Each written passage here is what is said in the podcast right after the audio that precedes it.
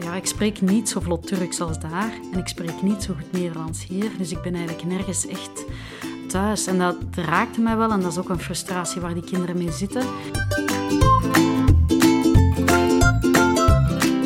Welkom bij Urban Education, de podcast van het Onderwijscentrum Brussel, waar we samen met leerkrachten en directies antwoorden zoeken op de uitdagingen van de grootstad. Ik ben Sarah Geets en vandaag gaan we het hebben over een onderwerp dat veel scholen en ouders bezighoudt. Namelijk, hoe zorg je dat het Nederlands van je leerlingen en je kinderen vooruitgaat, terwijl je tegelijkertijd de meertalige context van Brussel een plaats geeft. Daarvoor hebben we twee gasten uitgenodigd, Caro en Anki. Welkom. Anki, jij bent leerkracht Nederlands in het derde, vijfde en zesde middelbaar van een ASO-TSO-school in Laken. Maar jij bent niet alleen leerkracht, hè? je hebt nog andere taken? Ja, ik ben ook taalcoördinator en in die functie heb ik een uh, werkgroep opgestart die werkt rond meertaligheid. En daar willen we zo dadelijk alles over horen. We hebben ook onze collega Caro gevraagd om erbij te zijn. Welkom, Caro. Hallo. Kan jij even uitleggen wat jouw link is in OCB met het thema meertaligheid? In OCB hou ik mij vooral bezig rond meertaligheid voor de vormingen. We hebben ook een uh, website ontwikkeld, Brussel Vol Taal heet die. En verder heb ik ook vanuit mijn andere ondersteuningen die ik gewoon op de scholen doe rond mondelinge vaardigheden, lezen, schrijven, armoede, proberen we altijd de link te leggen met de meertaligheid van de leerlingen. Alvast bedankt allebei om tijd te maken voor dit onderwerp. Anki, laten we met jouw verhaal beginnen. Kan jij ons eens even meenemen naar jouw school en vertellen hoe de taalsituatie eruit ziet bij jullie? Heel graag. Ik werk ondertussen, denk ik, een twaalftal jaar op eh, de school. En in die twaalf jaar is de talige situatie eigenlijk wel behoorlijk veranderd. Toen ik daar net toe kwam, waren er heel veel Nederlandstalige leerlingen, ook veel tweetalige leerlingen, maar voornamelijk Nederlands-Frans. Dus de voeling met het Nederlands was nog behoorlijk groot. En dat heb ik wel zien veranderen door in die twaalf jaar. Er is veel meer talige diversiteit gekomen, veel minder voeling met het Nederlands ook. En dat vertaalt zich ook, die, die meertaligheid die ging dan ook wel gepaard met een beetje een, een verminderde taalbeheersing van het Nederlands. En dat leidt nog al wel eens tot frustratie, zowel bij leerlingen moet ik zeggen, als zeker ook bij leerkrachten. Want die leerkrachten, dat leerkrachtenteam, is behoorlijk eentalig. En daar zit een beetje frictie op en, en wrijving. En welke uitdagingen levert dat op voor jullie? Toch wel heel veel. Hè. Ik zei er net al, dat leidt tot frustratie bij leerlingen. Ook bij, bij leerkrachten die mindere taalbeheersing van het Nederlands ja, logischerwijze heel hard koppelen aan die meertaligheid. En dus ook die meertaligheid als een, als een heel groot probleem zien. En ja, dat ook op een hele negatieve manier benaderen. Als ze andere talen horen spreken, wordt dat heel vaak afgedaan als, als slecht. Dus er zit een heel slecht gevoel rond die meertaligheid bij bepaalde collega's. Wat, wat heel begrijpelijk is, hè, want die mindere taalbeheersing van het Nederlands is er ook wel natuurlijk. En dat zorgt voor een probleem, omdat ja, die meertaligheid is er en we moeten daarmee aan de slag gaan. Net, we moeten die kinderen, het kan niet zijn dat die kinderen minder kennen en kunnen. Dat zijn dezelfde kinderen als uh, die twaalf jaar geleden, alleen hebben ze nog veel meer talen in hun rugzakje. Dus het is de verantwoordelijkheid van de school en van de leerkrachten ook om dat potentieel te gaan oogsten bij die leerlingen. En dat gaat niet door alleen maar te denken, ja, die meertaligheid is een probleem, punt. Nee, we gaan het moeten aanpakken en we gaan eens kijken welke, ja, welke kanten we er mee op kunnen. En dan zijn jullie dus bewust beginnen nadenken over meertaligheid en hoe jullie daar als school mee willen omgaan. Hoe begin je daaraan om zo'n talenbeleid of zo uit te werken? Dat begint heel klein. de bedoeling was om een, om een werkgroepje op te richten bij leerkrachten. En die vraag is ook gesteld aan iedereen. We hebben een, een talenbeleid met een heel taalteam. Het zijn allemaal mensen die dagelijks eh, met taal bezig zijn. Ehm, maar het was de bedoeling om ook andere stemmen te horen. Mensen die een hele andere mening zijn toegedaan. Dus heel heterogeen. Een hele heterogene groep moesten we samen krijgen. Eigenlijk een groep die heel representatief was voor de gedachten, voor de bedenkingen die in het uh, lerarenteam En dat is uh, gelukt, want als je taal zegt op een school, ja, iedereen heeft het er het, best, heeft het beste voor met de leerlingen. Hè. Het is niet omdat je andere zaken denkt of van andere, andere overtuigingen hebt, dat je het, dat je het slechter of, of beter met de leerlingen voor hebt. Eigenlijk waren er heel veel leerkrachten bereid om in dat groepje uh, mee te werken. Met die heterogene groep zijn we dus aan de slag gegaan. Dan heb je dus een werkgroep gemaakt waarin dat er kan nagedacht worden over talenbeleid. En wat doe je dan? We wilden eens even uh, weten van zowel leerkrachten, maar ook van de leerlingen en de ouders, hoe zij tegenover taal stonden. We vonden dat heel, heel interessante input. We hebben dan een vragenlijst opgesteld, ouders, de leerkrachten, de leerlingen bevraagd. En daar zijn interessante inzichten naar boven gekomen. Ouders vinden het superbelangrijk hè, dat, hun leerling, eh, dat hun kinderen Nederlands goed beheersen. staan een, een sterk eentalig beleid voor, dat uh, bleek wel uit de bevraging. Leerlingen geven toe dat ze liever andere talen spreken dan het Nederlands, omdat ze zich daar goed in kunnen uiten. Dat is wel heel belangrijk. Maar vinden die meertaligheid op school ook echt wel een voordeel. Ze vinden het leuk om verschillende talen te horen. Al zijn er ook wel verschillende Nederlandstalige leerlingen die aangeven, oh, soms komt dat ook wel een beetje bedreigend over of voel ik mij uitgesloten in een klas waar heel veel andere talen worden gesproken. Leerlingen gaven ook aan dat hun taal niet altijd positief werd benaderd door de leerkrachten. En zeker als het een taal was die niet tot de Germaanse talen behoort. Ze zeggen, ja, als ik hier Duits of Engels op de trap zou spreken, dan zou ik nooit een opmerking krijgen. Maar spreek ik Frans of Turks of een andere taal, dan krijg ik zeker een opmerking. Ja, daar zat een emotie achter, toch? En een verschil in status van de verschillende talen? Ja, klopt. Dat zij ervaren, hè? Ja, klopt. En uh, ja, dat was wel interessant uh, om, om mee te nemen. En verder bij de leerkrachten uh, kwamen er, was echt een lappendeken aan reacties. Mensen die heel positief staan ten opzichte van de meertaligheid op school, maar ook heel veel bezorgdheden. Bezorgdheden voor de resultaten, bezorgdheden voor het potentieel. Kunnen we dat helemaal oogsten bij de leerlingen of niet? Mensen staan helemaal anders ten opzichte van de taal die moet gesproken worden op het oudercontact, de taal die op de speelplaats wordt gesproken. Er waren heel veel verschillende meningen. Dus het was wel de moeite om dat is allemaal bloot te leggen. En hoe sta jij daar dan als leerkracht tussen, Ankie? Want hoe ga jij met die inzichten over meertaligheid aan de slag bij jou in de klas? Ik vind het heel interessant om dat, uh, om dat echt als een onderwerp aan te pakken en er met de leerlingen over te praten. Ik vind het een heel interessant thema. Enerzijds om leerlingen beter te leren kennen, want het is toch een heel groot stuk van hun identiteit. Anderzijds geeft het mij soms ook een beetje inzicht in de fouten die ze soms maken in het Nederlands. Turkse leerlingen spreken in hun moedertaal zonder lidwoorden en plots uh, merk je ook dat als, als er lidwoorden ontbreken in hun schrijftaken, waar dat dan net vandaan komt. Zo zijn er nog bepaalde inzichten die je daardoor kan verwerven. Dus hier gebruik je de thuistaal eigenlijk om te reflecteren op het Nederlands, hè? op bijvoorbeeld de grammatica van het Nederlands. Ja, en het, het feit dat je dat ook eh, gewoon benoemt en in de klas bespreekt, heeft ook wel een emotionele impact, uh, voel ik, bij de leerlingen. Ze voelen zich daarin ook wel erkend en ze kunnen ook een stukje van hun thuistaal kwijt in de klas als, als een interessant onderwerp. Dat is ook wel een erkenning voor, voor hen dan. En gaan jullie dan ook echt in gesprek over die meertaligheid, of dat een voordeel of een nadeel is? Ja, in het vijfde jaar hebben we een lesreeks uitgewerkt rond meertaligheid. En dan beginnen we eigenlijk met een paar indianenverhalen te ontkrachten. Want er zijn wel heel wat foute bedenkingen rond meertaligheid, die zij, mijn leerlingen, soms gek genoeg ook delen.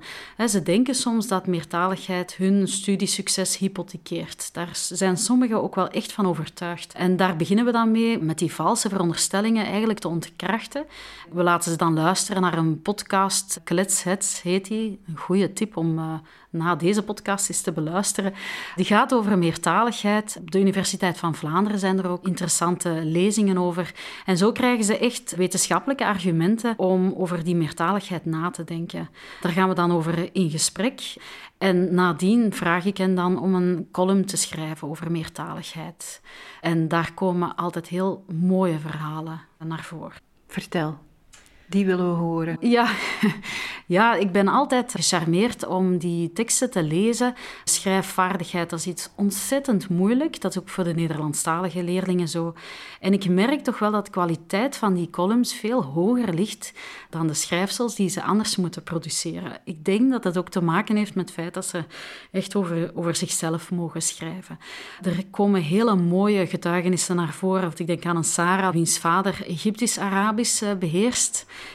En Sarah verstaat het wel, ze begrijpt het wel, ze praat het een beetje, maar ze, ze schreef zo bevlogen over de klanken die ze, die ze, waar ze echt van houdt, waar ze zich verbonden mee voelt. Er is een jongen die sprak over zijn vader die hier in België toekwam en het Frans moest uh, leren, maar er tegenaan liep dat het Frans zoveel woorden kent. En in het Arabisch heb je een woordje zoals slaan en dat gebruikt hij in alle uitdrukkingen of in veel uitdrukkingen. Een douche slaan, zo heel gekke dingen. En ja, plots bemerkte hij van, oh, in het Frans heb ik zoveel meer woorden nodig om datzelfde uh, uit te drukken. En Jasmina vertelt dan heel mooi dat ze dat ze die verschillende talen ook met, met haar vrienden probeert te leren. Dat ze een beetje Turks wil leren, een beetje Italiaans wil leren. Maar als ze dan samenkomen en praten, dat dat in het Nederlands moet. Want die Turkse vrienden van haar spreken niet zo, zo goed Frans als zij dat doet. Dus plots wordt Nederlands dan wel de taal die, die hen verenigt. En dat is, wel, dat is dan wel echt heel mooi.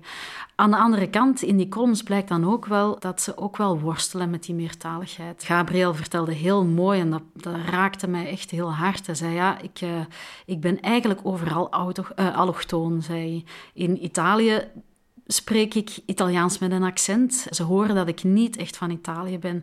En hier horen jullie dat ik niet echt van, van België ben. En dan, ja, die Italiaan die vindt zich dan, of, of de, de Turkse jongen in de klas, die vindt zich dan helemaal in die getuigenis. En die zegt, ja, in Turkije ben ik niet, ja, ik spreek niet zo vlot Turks als daar. En ik spreek niet zo goed Nederlands hier. Dus ik ben eigenlijk nergens echt thuis. En dat raakte mij wel en dat is ook een frustratie waar die kinderen mee zitten. En door, door dat te bespreken krijg je heel veel emotie en ook heel veel begrip voor elkaar. Caro, het is misschien een goed moment om even naar jou te gaan. Wat denk jij als je dit hoort? Hoe kijk jij hier tegenaan? Ja, dat het wel mooi is dat de kinderen die nuances zo leren te leggen. Want uiteindelijk, doordat ze zich altijd minder vlot kunnen uitdrukken in de klas, op school, leidt dat er ook wel toe dat leerkrachten ongewild ook beginnen denken dat ze minder kunnen. Terwijl dat die taal, de, hun taalvaardigheid eigenlijk niks over hun kunnen, of niet noodzakelijk iets over hun kunnen zegt. Dus op die manier kan dat een beetje genuanceerd worden.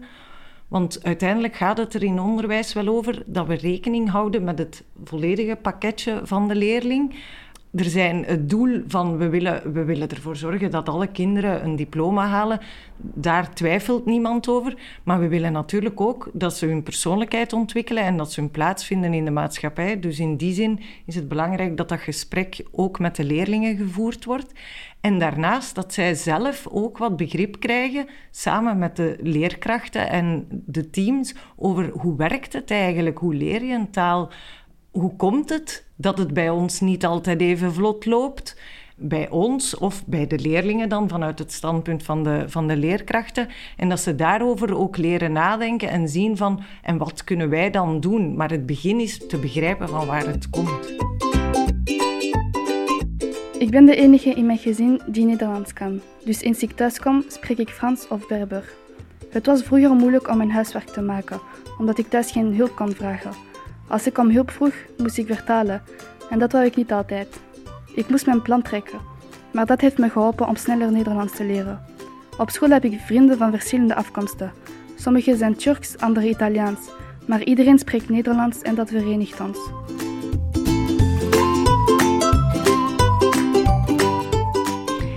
Hebben het hier al een paar keer gehoord. Taal is duidelijk een onderwerp waar heel veel emoties bij komen kijken. Ankie, is dat altijd zo? Ook voor ouders en ook voor leerkrachten? Ook voor jou? Ja, taal is een en al emotie. Als ik met ouders praat, op oudercontacten blijkt dat ook wel. Ouders willen vooral dat hun kind zo ver mogelijk geraakt, hè. willen een, een goede toekomst en zien dat heel hard in het Nederlands vaak. En ze kunnen dat met zo'n uh, bevlogenheid in het Frans uh, verdedigen dat er toch meer Nederlands moet gesproken worden op de speelplaats en dat we strenger moeten zijn. En dat is echt vanuit één grote brok emotie en, en, en goede bedoelingen. En anderzijds bij leerkrachten is dat natuurlijk ook. Ja, ik moet ook erkennen dat, dat als ik in een, in een uh, situatie uh, zit waar heel veel andere talen worden gesproken, op school bijvoorbeeld, dat ik mij soms ook het buitenbeentje voel. Ik denk dat dat des mensen is. Heel concreet, een paar jaar geleden gingen we met de leerlingen naar een voorstelling, 1418, een prachtige voorstelling.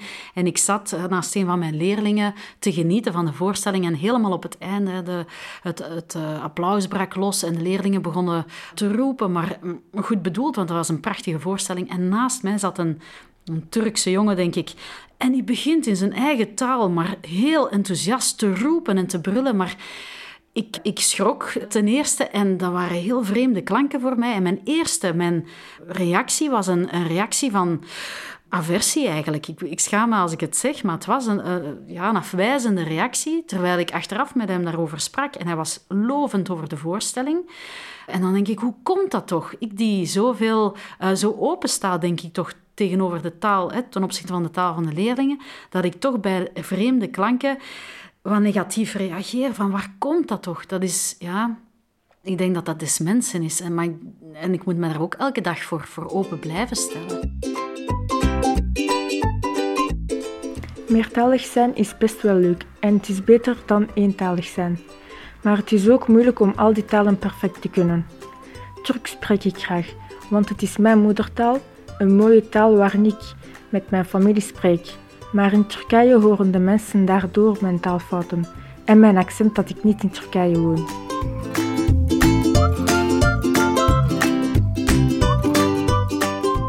Hoe ga je daar dan mee om? Want als school wil je die emoties en, en die veelheid aan standpunten absoluut erkennen. Maar tegelijkertijd proberen jullie ook om een beleid uit te stippelen. Hoe laveer je daar dan tussen? Of hoe ga je daar concreet mee aan de slag?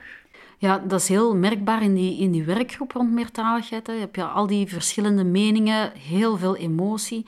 Vonden het daar heel belangrijk om een externe partner bij te betrekken. Iemand die de gesprekken modereerde, iemand die neutraal was.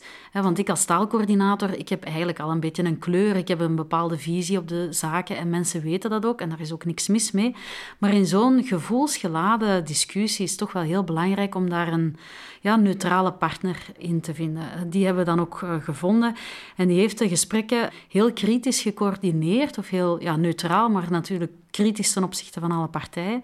En die ging altijd op zoek, en dat vond ik heel sterk, naar het doel. bijvoorbeeld een oudercontact. In welke taal horen we dat nu te voeren? Moeten we ruimte laten voor andere talen of net niet? Het was een heel geladen onderwerp. Dat bleek ook uit de enquête, dat leerkrachten daar niet op één lijn zaten. En toen zijn we eigenlijk naar de, naar de, ja, naar de essentie toe gefietst. Van wat, wat willen we nu exact bereiken met dat oudercontact? Wat is het belangrijkste? Ja, het belangrijkste is dat de boodschap wordt gecommuniceerd, dat er contact is met de ouders, hè, want dat zijn partners in, in heel het uh, gebeuren. En om, om daartoe te komen, heb je soms, en daar, daar zijn we allemaal het over eens geraakt, dan heb je soms toch die andere taal nodig.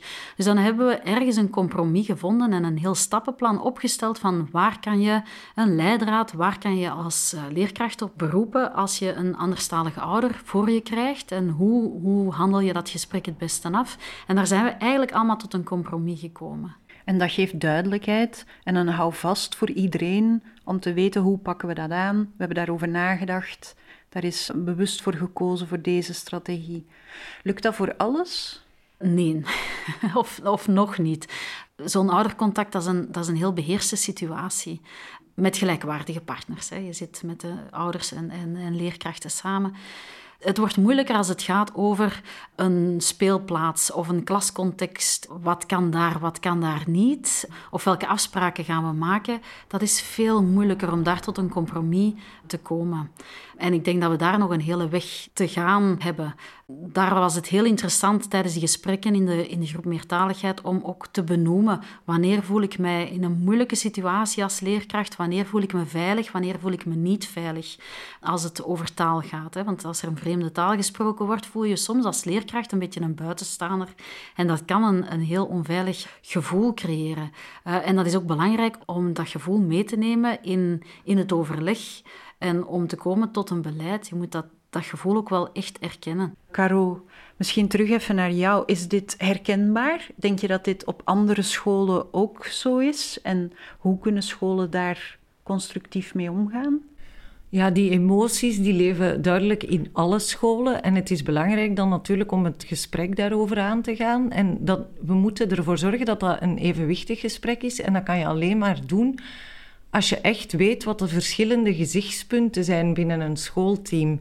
Wij hebben hier een leerlabo meertaligheid en we hebben daar ooit gezocht van hoe kan je dat gesprek aangaan? En dan merkten we dat de mensen die deelnamen, die elke dag met het onderwerp eigenlijk heel bewust bezig waren, dat zij ook zeiden van eigenlijk kunnen we dat niet zeggen van de andere teamleden over hoe dat zij daar eigenlijk over denken. We weten eigenlijk niet wat hun gedacht is, omdat mensen vanuit de emotie, maar ook vanuit eigenlijk niet graag laten zien van hoe zij daar echt over denken.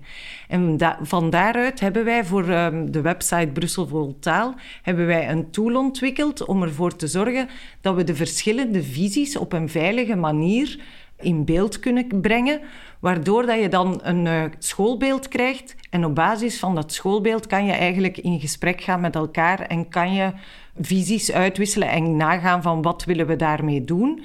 En zo kan je dan komen tot welke dingen kunnen we dan eens uitproberen en daar afspraken rond maken. Het zou ook kunnen natuurlijk dat er uit zo'n schoolbeeld komt dat een heel deel van het team nog rond verbieden zit. Als je weet hoe de taalverwerving werkt, dan weet je dat dat eigenlijk het enige is wat je beter niet doet. Maar dan is het belangrijk dat je blijft inzetten op het voldoende zorgen voor kennis binnen het schoolteam en daarover te blijven uitwisselen.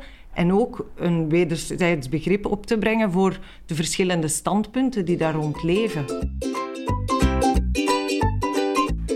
Egyptisch spreek ik enkel met mijn Egyptische familie, al beheers ik enkel de basis.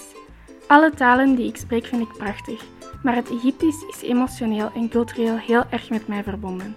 Het is mooier dan het klassieke Arabisch. Je zegt in het Arabisch bijvoorbeeld qalbi en in het Egyptisch elbi. Dit betekent hart. De kaf wordt in het Egyptisch dus niet uitgesproken.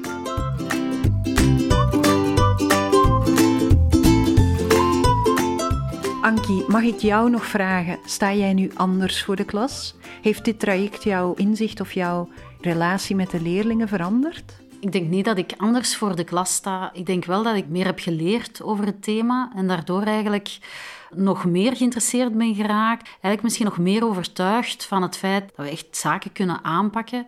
Ik blijf me er ook wel bewust van dat meertaligheid geen ja, probleemloos verhaal is. Dat dat wel een moeilijkheid blijft. En dat het echt, echt heel belangrijk is om daar met, nog meer met het schoolteam aan te werken. En wat zijn jullie volgende stappen? Wat hebben jullie plannen? Ja, de, de afspraken waar ik daar net over sprak, die moeilijkere thema's, die gaan we toch eens moeten aanpakken. Hoe gaan we om met taal in de klas? Uh, ik denk niet dat het echt de bedoeling is om, om een laissez-faire beleid te voeren. Anderzijds moet het wel heel, heel duidelijk zijn voor leerlingen en leerkrachten wat kan en, en wat niet kan. En ik denk dat daar heel veel overleg met leerlingen en leerkrachten nog nodig zal zijn. Caro, ik ga jou het laatste woord geven. Wat zijn voor jou de belangrijkste dingen die luisteraars moeten meenemen van dit gesprek over meertaligheid? En heb jij tips voor leerkrachten die bijvoorbeeld morgen al iets willen doen in de klas?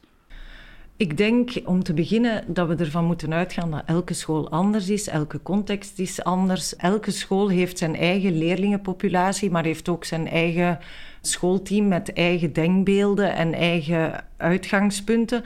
En dus is elke situatie anders om aan te pakken. Dus het is belangrijk dat aan dat talenbeleid werken, dat dat iets is dat je samen doet.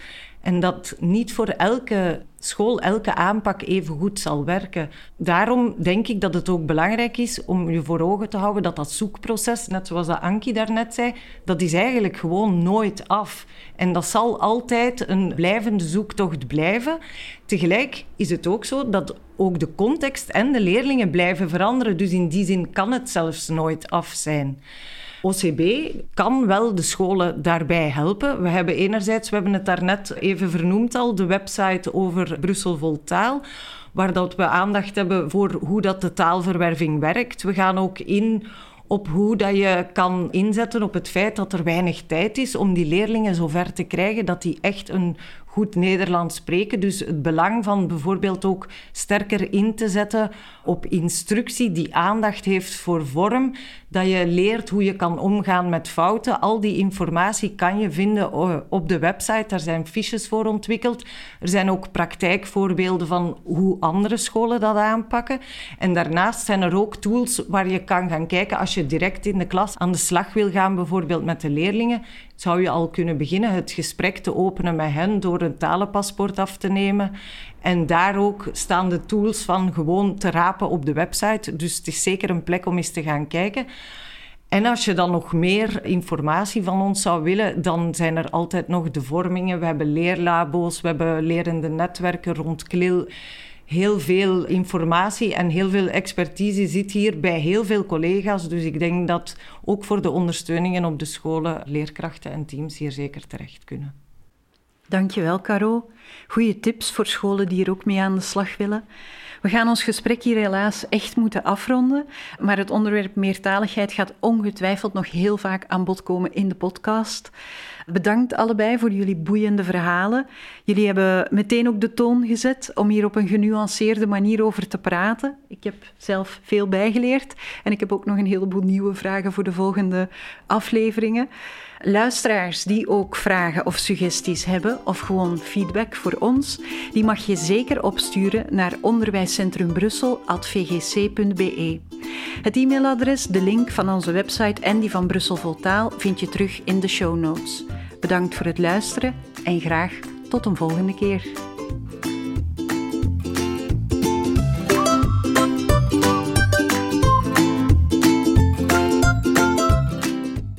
Frans en Lingala zijn mijn moedertalen en ik vind beide leuk om te spreken en te gebruiken in het dagelijks leven.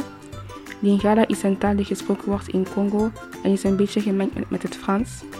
Wat ik zo leuk vind aan deze taal is dat ze uit niet zoveel woorden bestaat en meestal zijn de woorden kort. Een nadeel is dat sommige woorden een dubbele betekenis hebben. Je moet dan goed de context kennen waarin het woord wordt gebruikt.